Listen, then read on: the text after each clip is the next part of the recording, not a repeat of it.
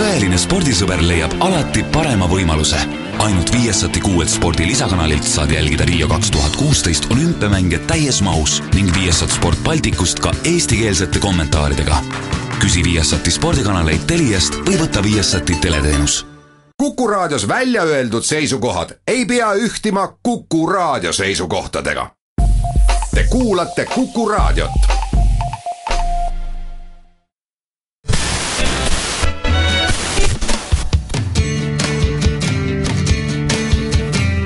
Radio Talsinki. Radio Talsinki ja unikaalsed Eesti lood toob teieni Solosokos Hotel Estoria. Radio Talsinki Tervetuloa jälleen Radio Talsinkin ohjelman pariin. Täällä ollaan Rossin Timmon kanssa tiukasti ohjelmaa tekemässä. Joo, terve, terve.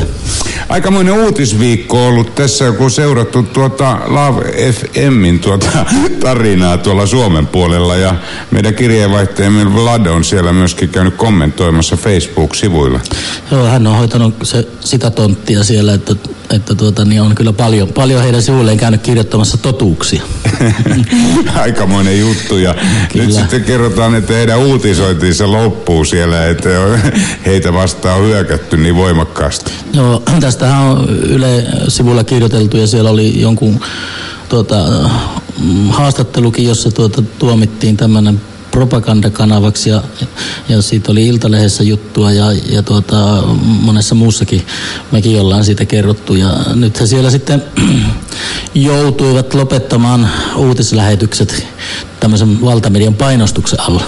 No tässä spekuloitiin sitä ihan kahdestaan mistään mitään tietämättä, että olisikohan Järviradiolta myöskin tullut nootti siitä, että heidän antenninsa kautta ei sitä enää lähetellä ja mietittiin sitä Timon kanssa tuossa No jotenkin tuntuisi loogisemmalta tämmöinen syy, kun asiat on tullut esille, niin jos se on sitten, minä sanon nyt, että jos se on sitten siellä Järviradiossa aiheuttanut sen reaktio, että tuota, he, he ovat kieltäytyneet lähettämään näitä uutisia, että musiikkihan siellä tulee tällä hetkelläkin ulos ja se tosiaan Järviradio anteeni. Ja tuntuisi loogiselta, että syy olisi tämä, koska se porukka, mikä siellä tekee, niin ei kyllä minun mielestä on vähän sitkeämpää tuota, että se ei kyllä niihin kirjoitteluihin heidän toimintansa olisi kaatunut millään. Että en usko, että se, se lopullinen syy on se.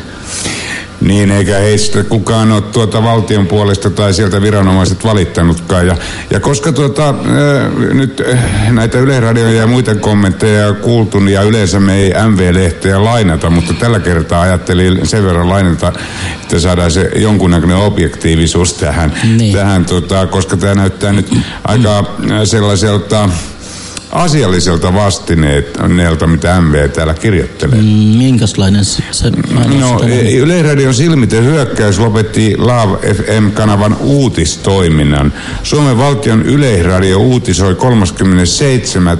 että salaperäinen venäjämielinen radiokanava kertoo yllättäen lopettaneensa uutislähetykset Jutussa käytetään kolme kertaa sanaa venäjämielinen ja lisäksi kerran, että kanava tukeutuu vahvasti Venäjään ja Kremlin näkökulmaa. Ja tähän mä haluan sanoa sitä, että Kulle Raikin kanssa tässä ne keskusteltiin tästä asiasta. Ja Kulle Raikhan oli myöskin Neuvostoliiton aikana, tuota teki suomalaisia radio-ohjelmia, suomenkielisiä radio-ohjelmia sinne Suomen suuntaan. Ja Kulle sanoi, että hän luki näitä ää, tuota, radion kommentteja siellä ja uutisia ja sanoi, että, että ne oli sata kertaa pahempia kuin heidän välittämänsä tuota, neuvostoaikana. Se on aika, aika paha, par, raskaasti sanottu, sanonko näin? No sanoisinko näin ja kuule varmasti tietää sen ja, mm. ja tuota, mitä sieltä silloin lähetettiin. Ja, ja tota, toki sitten minä haluan sanoa sen, kuule teki aivan, aivan upean tuota, diplomaattisen uraa jälkeen ja oli Suomessakin Viron suurilähetystössä töissä. Että, mutta tämä tuli siis siltä suunnalta, että mitä Kulle ajatteli tästä radiosta? Mm. No asiantuntijalausunto. No minun mielestäni yksi parhaista, parhaista tuota. Mutta tuo oli jännittävä tieto, että he, tämä MV-lehti tunnustaa tämä asia. siis mitä tunnustaa? Venäjämielisiksi tämä. Ei, no ei tunnusta, vaan kertoi sen asian, että mitä Yleisradio Okei, on joo, kirjoittanut. käsitin ei, väärin. Joo, sä käsitit tämän väärin. Ei, No, mulla ei, tuota- tässä nyt ollut sitä uutista auki. Joo, sulla ei ollut uutista auki ja tuota, MV-lehti ei tunnusta yhtään mitään. Joo.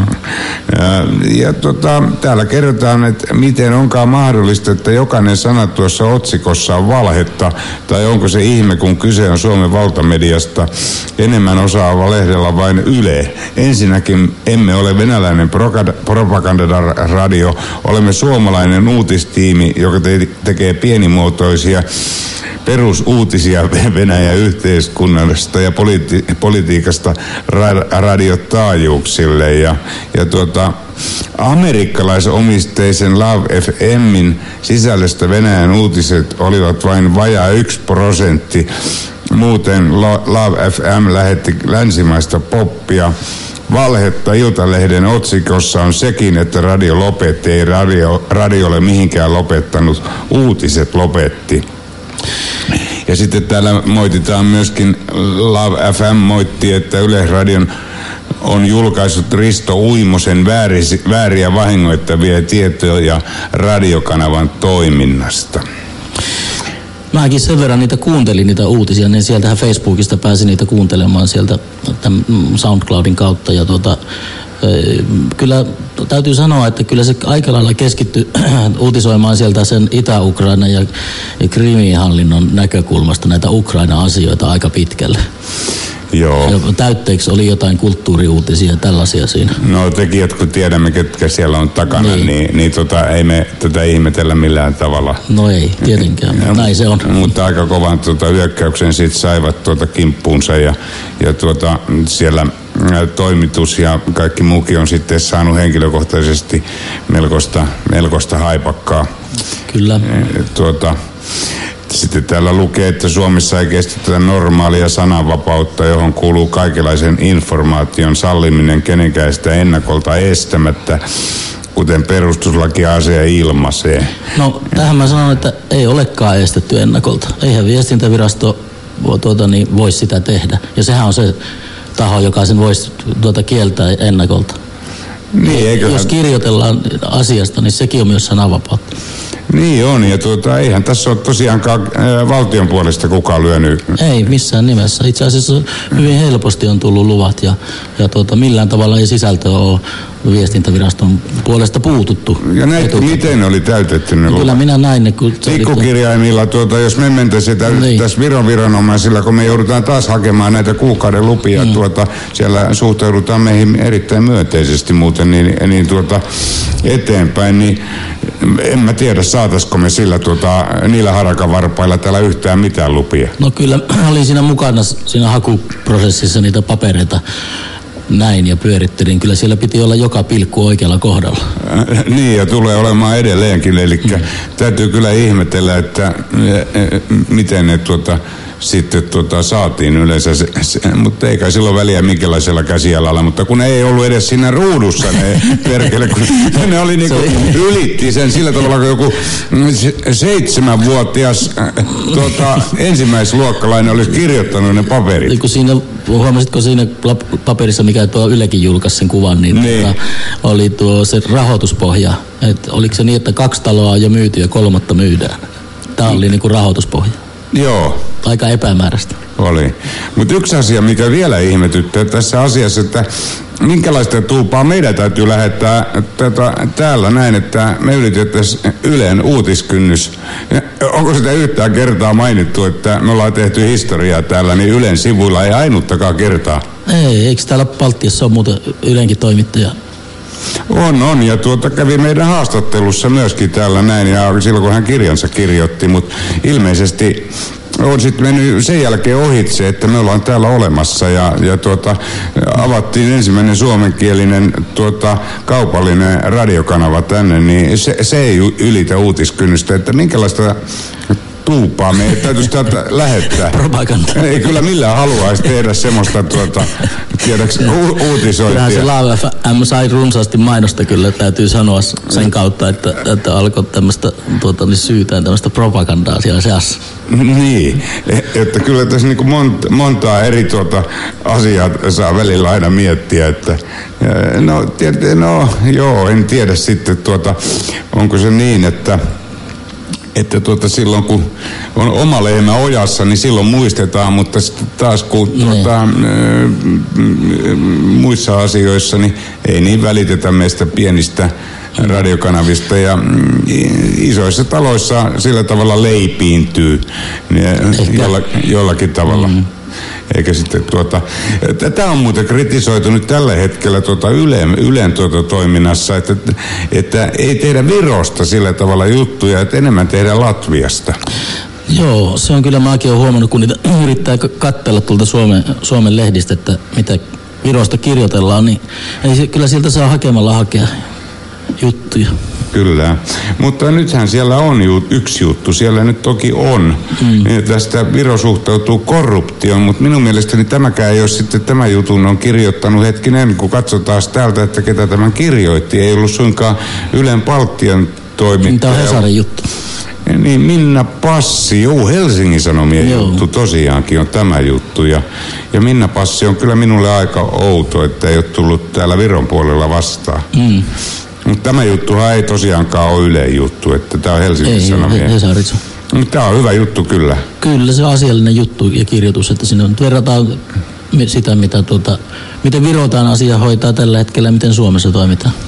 Niin, Viro turvallisuuspoliisin kapon pääkonttori ja ympäröi metallinen aita, ystävällinen ääni videopuhelimen takaa toivottaa tervetulleeksi turvatarkastukseen.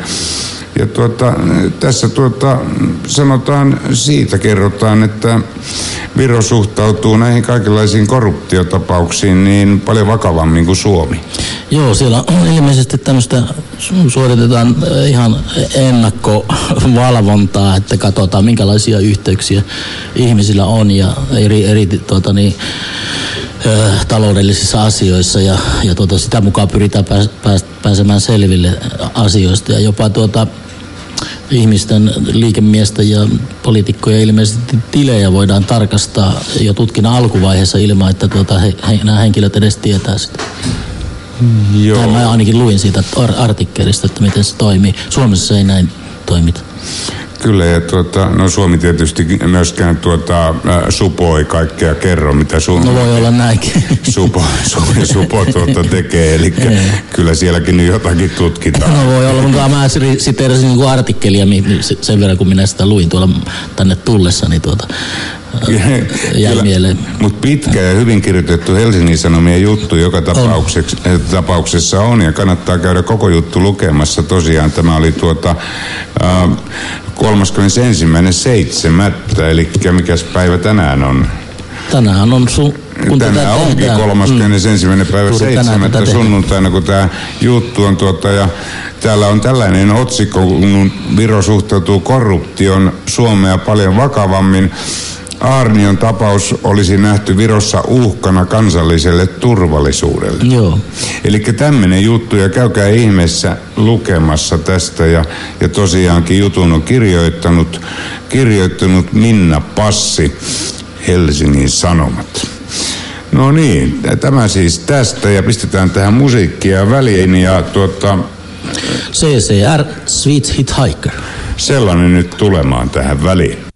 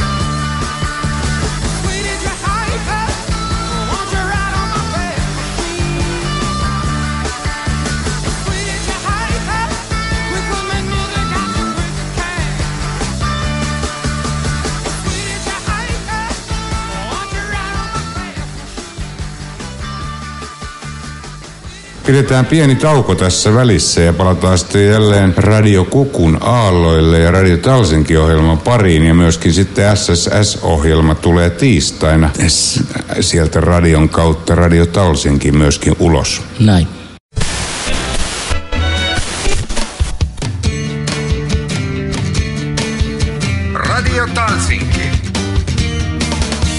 Radio Talsinki ja unikaalsed Eesti lood toob teieni Solosokos Hotel Estoria. Radio Talsinki. Radio Talsinki-ohjelman parissa jatketaan ja Kukkuradion aalloilla ja myöskin 92,4 MHz sieltä meidän omilta aalloiltamme tiistaina. Tallinnan alueella. Tallinnan alueella.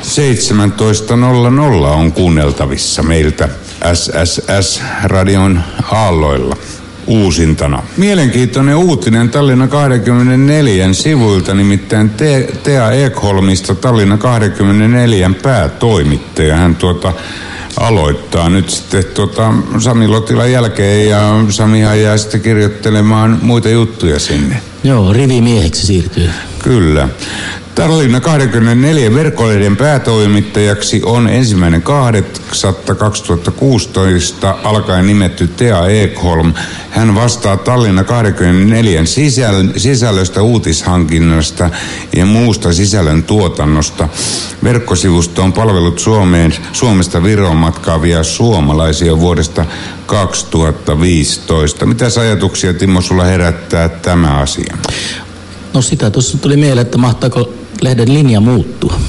Joo, sitä tässä ollaan tuota tosiaankin tutkittu ja kysytty, kysyttykin sitten tealta tätä asiaa ja, ja vastauksia on saatu. Minä tässä luen, mitä meille on tuota tosiaankin vastattu tästä asiasta tean osalta ja, ja tuota, lainaan tämän ihan suoraan tämän oman kysymykseni ja sitten myöskin vastauksen.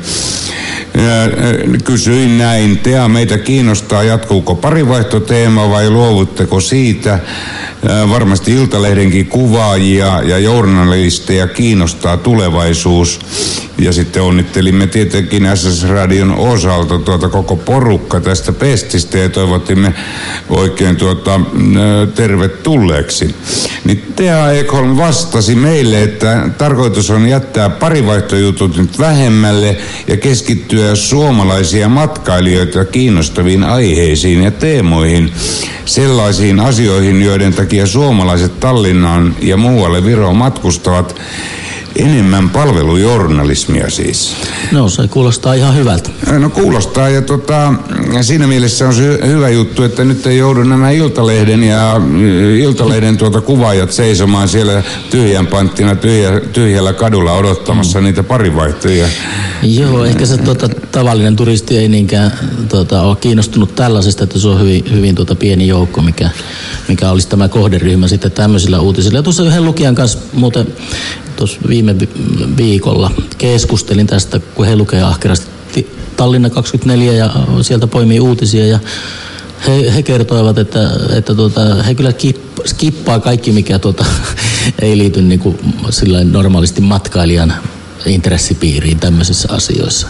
Niin, ettei kiinnostakaan. Ei, ei kiinnostakaan ja, ja tota, sanoo, että kun ei muutenkaan Seiska-lehteä lueta, niin ei sen, täm, sen tyyppiset uutiset ei kiinnosta. Niin, ala, Navan alus uutiset niin. tai sellaiset. Tota, siis minähän sanon tämän nyt vaan ihan kerron, mitä mielipiteitä minä olen kuullut. Minulla itsellä ole mitään mielipidettä sen kummemmin. Niin, no ihmisten näkökulmia, niin. joita meillekin tuota radioille on tullut. Ja tuota, ei, ei niistä niin välitetä. Tosi, jos sä luet Iltalehteä ja Iltasanomia, niin siellä on aika paljonkin näitä samanlaisia peniksen pituudesta. Ja, no, se ja, on ja, Iltasanomat ja Iltalehti, niin on, on sitä keltaista lehdistöä, eli sehän on sen lehdistön tyyli. Niin on, ja sitten siellä on varmasti nämä kiintiöt, että kuinka niin. paljon, tota, kuinka paljon tota, ja sitten tuo prostituutio-teema oli nyt siellä myöskin, ja, ja tota, kuka käy sitten siellä, ja, ja, ja tällä tavalla, niin, niin mä en tiedä, tiedä usko sitä, että pystyttäisiin tarkasti analysoimaan, kuka siellä käy. No ei ja laskennallisia totuuksia niin kuin suorittamaan, vaikka olisi käynyt minkälaisen yliopiston. Se on tota... Se, se olisi niin kuin jonkun niin kuin tahon tehtävä semmoinen tutkimus asiasta ja riittävä otos saada aikaiseksi ja tuota, niin analysoida tulokset, se on aika iso juttu. Ja nyt jos ajatellaan tätä prostituutiota yleensäkin, että tuota, kun Tallinnaa nyt jollakin tavalla tässä yhdessä jutussa yritetään leimata joksikin niin, porttolaksi. porttolaksi tai tuota, Baltian Pankokiksi, niin. niin jos nyt ajatellaan Kö, Köpistä, Köpenhaminaa, mm. Tukholmaa, Helsinkiä no. ja, ja Tallinnaa, niin. Mikä näistä neljästä niin. kaupungista on sitä vähiten, niin mä väitän, että Tallinna. No näin on ja kyllä Helsingin tilanne on tiedetty kauan aikaa, että kyllä siellä, siellä pyörii ympäri Eurooppaa tulee kuulemma tuota keikka, keikka hommiinkin tuolta ihmisiä ja, ja tekee tätä työtä ja, ja tuota, siellä on jopa reviirikiistoja ollut nyt tuota lehdessä, että kyllä se siellä rehottaa kyllä täysin, täysin Helsingissä. Ja, ja aikanaan laivalla oli töissä pitkää aikaa ja Tukholmankin tilanteesta mm. jonkun verran tiedän, niin eihän se sieltä mihinkään häviä, eikä se tule kokonaan häviämään myöskään no. Tallinnasta eikä mistään kaupungista. Se on maailman vanhin ammatti ja, niin. ja tuota, äh,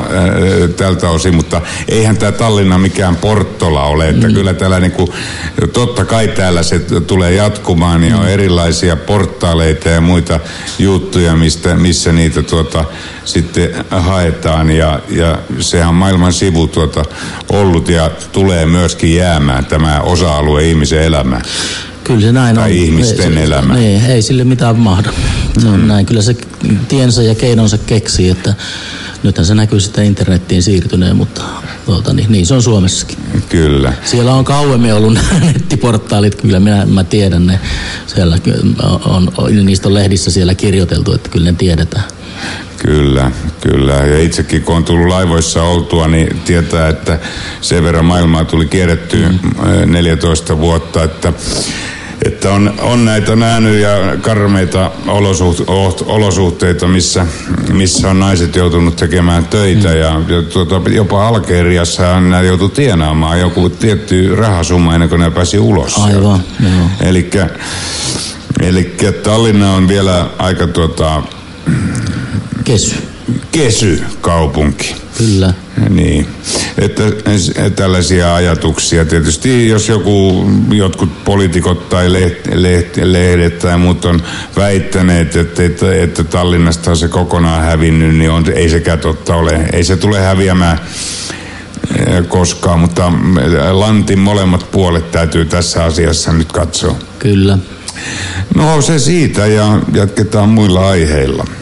Ja laitetaan musiikkia tähän kuitenkin väliin ja tuota, me ollaan valittukin nyt vähän tällaista hienompaa musiikkia Joo. tällä kertaa. Eagles ja Take It Easy, loistava kappale. Niin, että ottakaa rauhallisesti. Niin, turha näistä on ruveta tuota, niin, seinille kimpoille. No niin, eikä verenpainetta turhaan nostamaan. Ei, Näin se on.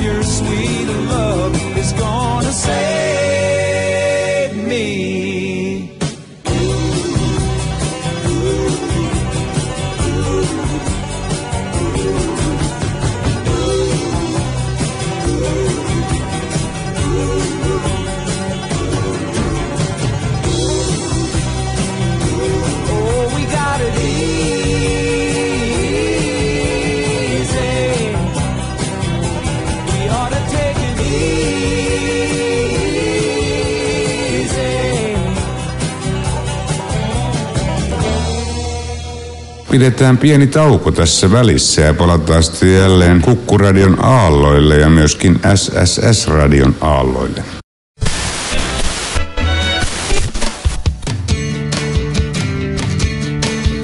Radio Talsinki.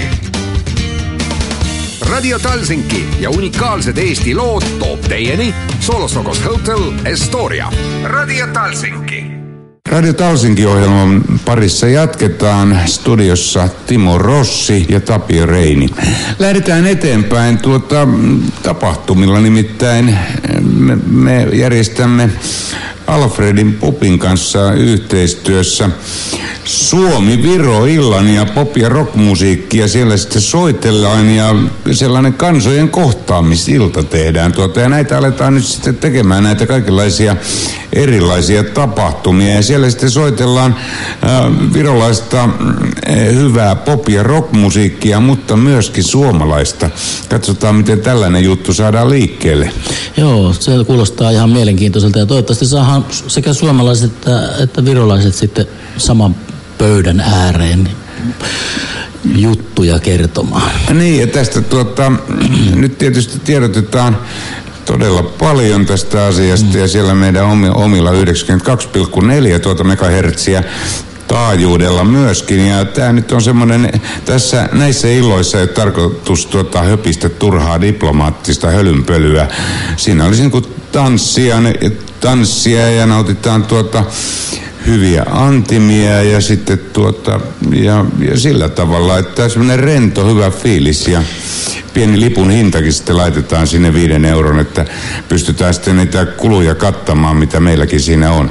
Joo, ja se on tietysti hienoa, jos siinä tuota, syntyisi vähän yhteyksiä tuota, ää, virolaisten ja suomalaisten välille uusia. Niin, ja sitten mediaedustajia myöskin ja kaikenlaisia tuota, mm. yhteistyökanavia, jo, joita meilläkin on, niin kutsutaan paikalle ja tuota, yritetään saada aika vähän täällä Suome, tällaisia mitään niin kuin järjestetään täällä. Ää, oikeastaan suomalaisilla on tosi vähän tällaisia yhteisiä bileitä ja halutaan tätä nyt tuota jälleen viritellä. Joo, nä, näin sen on huomannut, että ei, ei kauheasti löydy tämän, tämän tyyppistä ja tuota, sitten kyllä isoja juhlia tietysti on ja kaikkia tällaisia, mutta tuota, tämmöistä pienimuotoista toimintaa ei, ei, ei esiinny paljon. Ja tämä Alfredin pupi on sopivan kokoinen ja sitten siellä on myöskin erittäin kaunis tuo kesäterassi. Joo, siellä on, mäkin on käynyt siellä tuota, ke, kerran, kun mä oon käynyt ja se on, se on hieno, hieno tuota, semmoinen puistomainen terassi siellä takapihalla ja ka, puitten katveessa ja siellä on istutuksia ja taisi olla joku suihkulähdekin. Omena puukin siellä Joo, keskellä. Ja, ja tota, sitten meillä on syyskuun 17. päivä saapuu suomalainen rock and roll bändi. Niin Dogbone.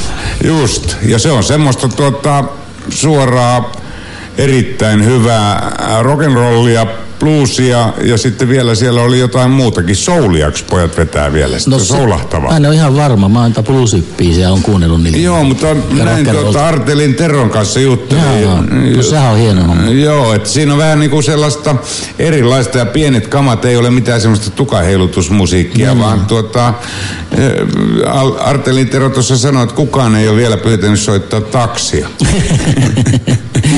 tuota, tuostapa tulikin mieleen, jos saan kertoa tähän väliin, ettei mennä aiheesta liian kauaksi. Minulla on, minua on kerran kehotettu soittaa taksi, kun mä tuolla ö, Laukaassa Pitkäniemessä oltiin tuota päivätanssia soittamassa ja sitten pyytelin sitten mikki ja sanoin, että no onko mitään toiveita, että mitä soitettaisiin, niin siltä kaveri paaritiskiltä huuti, että soita taksi. no, no, näitä huuliveikkoja kun riittää, että se ei ole tota, mikään uusi asia. E, Eli tällaisia tota, juttuja tässä niinku kehitelty ja, ja, ja mennään kohti syksyä. Mä muuten tykkään syksystä. Syksy on sellainen mm. aika, kun aina saa, saa tuota, jotenkin itsestään irti enemmän minä, mutta toiset saa kesällä kuumalla, mutta mä en tykkää yhtään tästä liian kuumasta ilmasta. Joo, monet on syksyllä vaipuu synkkyyteen, mutta tuota, en minä itse kyllä pidä pahana. Että ei, no ennen ehkä kouluaikaan koulut alkoi ja kesälomat loppu, niin se oli vähän semmoinen. Mutta nykyään sillä ei niin ole, ole merkitystä, kun tuota, aika hyvät kelitkin on ollut viime aikoina, taitaa olla tuo ilmaston lämpeneminen tehnyt, että syksy kestää pitkään. Se on totta. Tulee ei taas se omenavarkauden aika. Pitäisikö me lähteä tuota ostaa säkkiä painella tonne? Mä en, tuota, meillä nimittäin ei yhtään ainutta omenapuuta, kun tuolla nummella niin on tosi vaikea niitä kasvatella, tai ainakin meidän piassa, kun se on se santamaata. Just se ei Se on niinku hi- sellaista liiva, semmoista tulee, me, väärin tulee viro, virolaisittain, semmoista ihan hiekkoa tiimalasi hiekkaa, mm-hmm. joka se maaperä siellä monessa paikassa on. Se ravinteet menee läpi. Ilmeisesti, tai jota mä en ole mikään puutarhuri. Mutta et ole Arno Kasvi. En. Tosin tuota minun esi-isäni, esi-isät tai sillä tavalla, ne tulivat Suomeen jo oli no. puutarhuria. No, joo, ne muuttivat joo. Saksasta sinne ja mm. sillä tavalla. Mutta me laitetaan sitten seuraava meidän rock'n'roll biisi tämä Höpinen perään. Ja sano sä Timo, kun olet tuota ylioppilas, niin se nimi. Rock'n'roll band I'm Gonna Roll ja Pave Maijanenhan tässä vetää soolon. Eli suomalaisesta Tai siis laulaa pää, päävokaalia. Niin, mutta kitaraa soittelee myöskin Pave. Kyllä, kyllä. Kuunnellaanpa pois.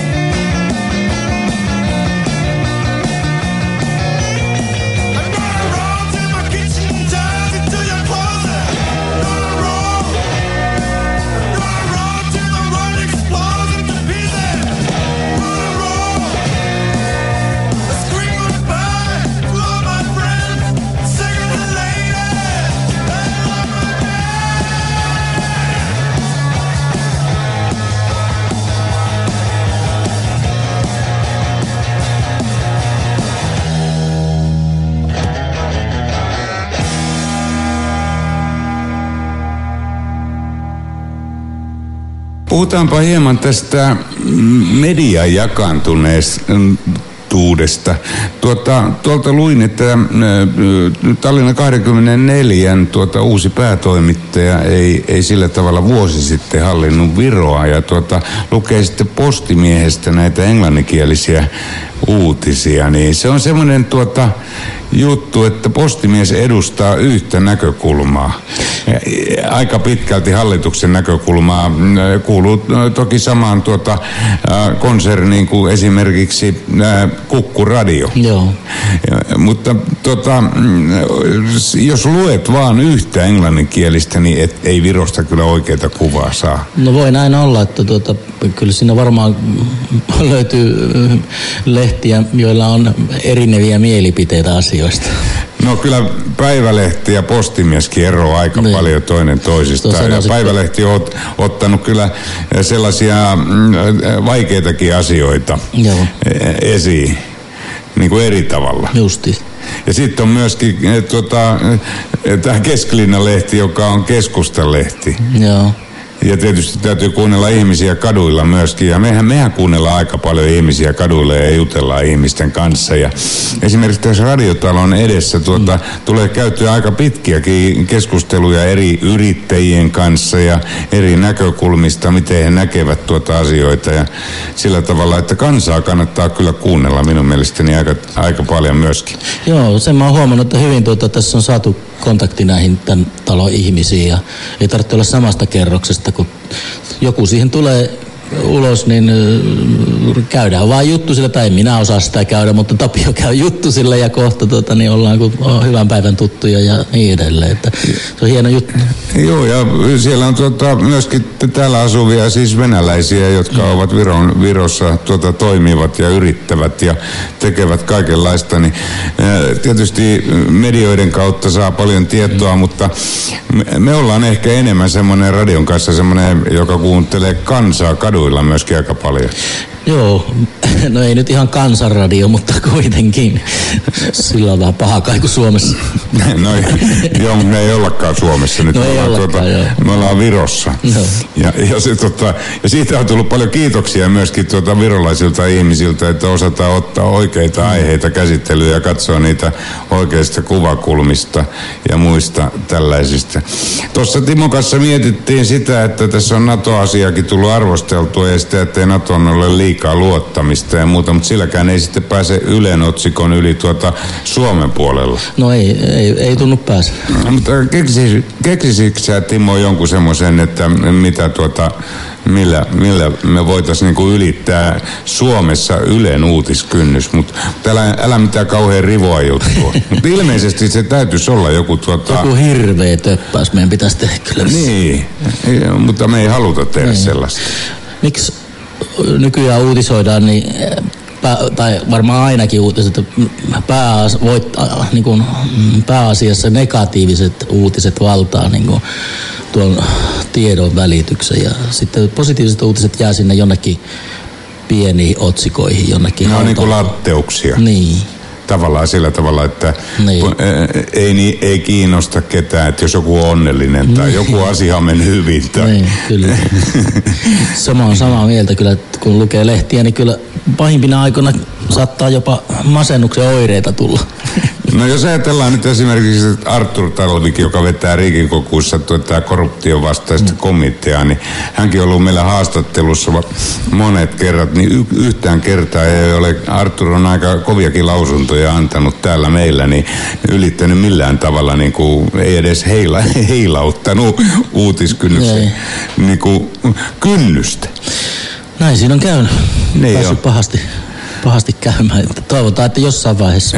No mä en tiedä, että kannattaako sitä toivoa, että se antaa sitten toisista medioista myöskin jonkunnäköisen kuvan, että minkälaiset uutiset siellä Ylen, Ylen tuota asioita ylittää ja kuinka arvostaa sitten muiden suomalaisten tekemisiä täällä näin, täällä Baltian puolella.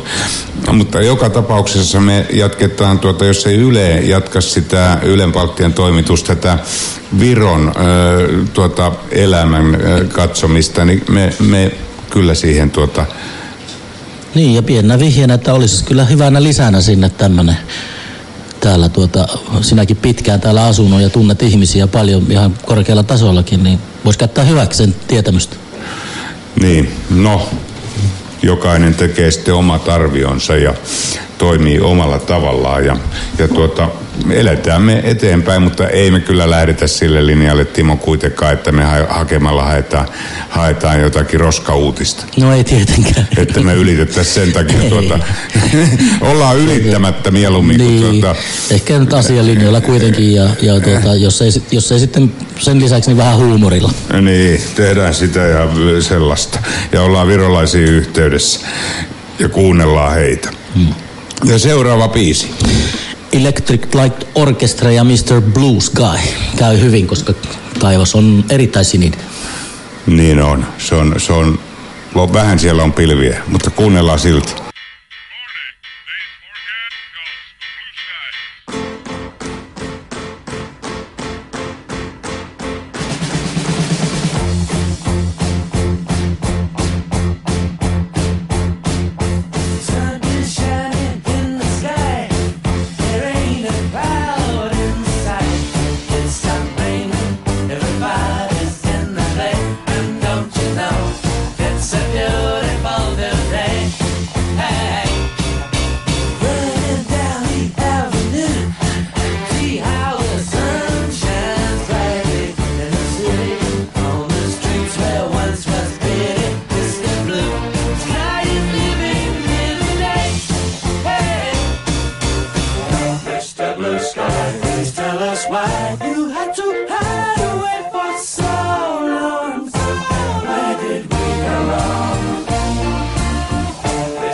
sky. Please tell us why you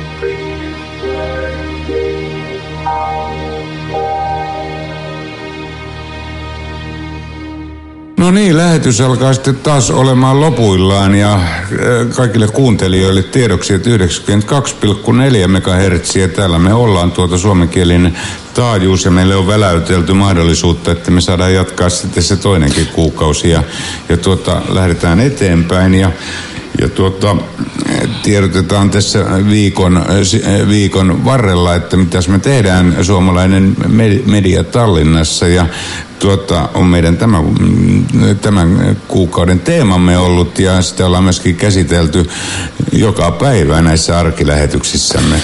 Joo, näin on siitä, sitä, sitä varten tuota, on myöskin iltapäivälähetys, kaksituntinen, jossa, jossa tätä teemaa sivuta. Kyllä. Suora. Ja sillä lähdetään tuota sitten eteenpäin ja e, ensi viikolla ja palataan tähän aiheeseen vähän, että missä meitä pääsee tapaamaan. Ja, ja tuota, haluaisin e, tavata myöskin kuuntelijoita ja kuulla heidän mielipiteitään. Ja ää, Vuorisen Riston kanssa tuossa vähän funtsaillaan, että miten, missä me se kohtaaminen sitten pidetään kään. Tässä on erilaisia mietteitä tämän asian osalta. Niin, jotakin on vielä asiassa auki, mutta varmasti järjestyy kaikki. Kaikki järjestyy ja, ja tota, hienostihan meidät on otettu radiona vastaan. Se mitään valituksia meistä ei ole tullut. Mm. Tekniset, tekniset asiat, tuota, ihan pieniä jotakin asioita on ollut, päivityksiä ja muuta, minkä takia on sitten radio lasten tauteja äh, potenut, mm. Kaiken kaikkiaan me ollaan menty aika hienosti eteenpäin. Joo, ei ole hirveitä ongelmia ollut. Ymmärtää tämmöisessä alkuvaiheessa, että jotain aina voi sattua. Kyllä, ja tuota ollaan py- myöskin pysytty omilla taajuuksillamme, eli ei ole mu- muitakaan kanavia häiritty siellä, ja pyritään toki tekemään tuota kaikenlaisia mm, uusia juttuja. Nytkin meille on sitten tulossa vaikka minkälaisia ohjelmia vielä lisää. Mä niistä kerron sitten seuraavalla no. kerralla, nimittäin naisääniä tulossa ää, tuota, aika upeasti tuota, mukaan ku- kuvaan ja, ja sillä tavalla. Ja katsotaan sitten, mitä saadaan myöskin Tallinna 24 kanssa tehtyä ja tulevaisuudessa Niin. tuossa Tean kanssa juteltiin, että kehitetään jotain yhteistyötä myöskin. Joo, se on ihan hieno Sellaiset juttu. alustavat keskustelut Joo. oli vasta. Että säilyy yhteistyö, vaikka toimittajat vaihtuu. No niin, päätoimittajat niin. Niin. vaihtuu. Että kaikkia hyvää tosiaankin sinne suuntaan. Sinne suuntaan myöskin halutaan olla tietysti kaikkien kanssa hyvissä väleissä, vaikka ei tässä nyt mitään lipomaaleta mihinkään suuntaan. Ja nyt laitetaan sitten viimeinen biisi.